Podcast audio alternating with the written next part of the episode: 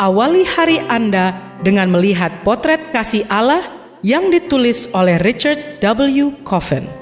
Melalui renungan pagi ini, kita akan mempelajari karakter Allah yang menuntun kita kepada kasihnya. Bersama Pendeta Andre Daimbani, selamat mendengarkan. Shalom, selamat pagi saudaraku. Renungan pagi kita hari ini 23 Juni berjudul Pamer. Ayat intinya diambil dari Daniel 2 ayat 28. Demikian firman Tuhan. Tetapi di sorga ada Allah yang menyingkapkan rahasia-rahasia. Mari kita dengarkan penjelasannya.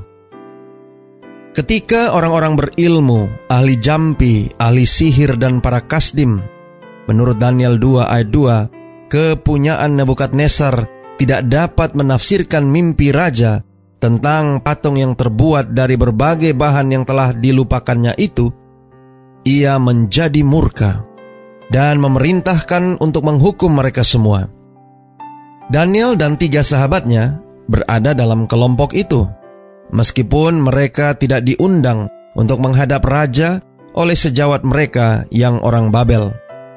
Hal itu sampai kepada Ariok, pemimpin pengawal raja yang ditugaskan untuk memberitahu semua orang bijaksana tentang kematian mereka.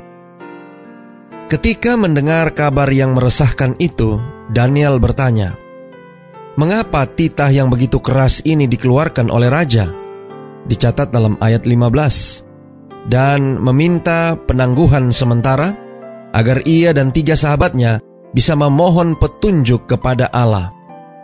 Allah pun mengabulkannya dan memberitahu Daniel mimpi Nebukadnezar beserta maknanya. Ketika Daniel kembali berjumpa dengan Ariok, ia berkata, Orang-orang bijaksana di Babel itu jangan kau lenyapkan. Bawalah aku menghadap raja, maka aku akan memberitahukan kepada raja makna itu dicatat dalam ayat 24. Tak ayah lagi memohon audiensi bagi Daniel dan memberitahu raja, Aku telah mendapat seorang dari antara orang-orang buangan dari Yehuda yang dapat memberitahukan makna itu kepada raja. Dicatat dalam ayat yang ke-25. Perhatikan sikap pamer Ariok. Ia mengedepankan dirinya yang telah mendapatkan Daniel Padahal pada kenyataannya, Ariok tidak menanyakan apa-apa kepada Daniel, kecuali memberitahu perintah hukuman mati. Sebaliknya, Daniel membantah telah mendapatkan penglihatan dan tidak memegahkan dirinya di hadapan raja. Tetapi di sorga ada Allah yang menyingkapkan rahasia-rahasia. Dan dalam penjelasannya tentang mimpi raja, Daniel berbicara tanpa menonjolkan dirinya. Raja Nebukadnezar pun tak luput dari sikap menonjolkan diri. Seperti Aryok, ia pun berbicara membanggakan dirinya. Bukankah itu Babel yang besar itu, yang dengan kekuatan kuasaku dan untuk kemuliaan kebesaranku telah kubangun menjadi kota kerajaan? Dicatat dalam Daniel 4 ayat 30. Dalam risalah-risalah tertulis raja-raja timur dekat kuno berbicara tentang diri mereka dengan istilah-istilah yang megah seperti itu. Saudara-saudara yang kekasih di dalam Tuhan, mungkin kita tidak heran dengan sikap memegahkan diri yang egoistis dari para penyembah berhala.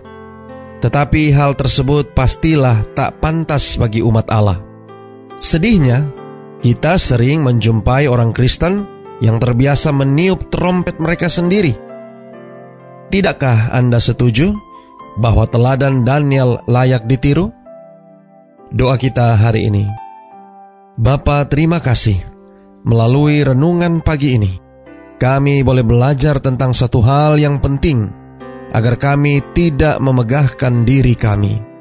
Terima kasih melalui pengalaman Daniel yang tidak menyombongkan akan dirinya sendiri, tetapi sebaliknya meninggikan Tuhan yang telah menyingkapkan mimpi berikut artinya kepada Raja Nebukadnezar. Tolong kami hari ini Bapa. Biarlah kami boleh berlaku seperti Daniel, boleh memiliki kerendahan hati, dan boleh meninggikan Tuhan, gantinya meninggikan diri kami sendiri. Terima kasih Bapa. Inilah doa dan permohonan kami kepadamu. Semoga Tuhan senantiasa memberkati kita sekalian sepanjang hari ini saat kita melakukan aktivitas kita masing-masing.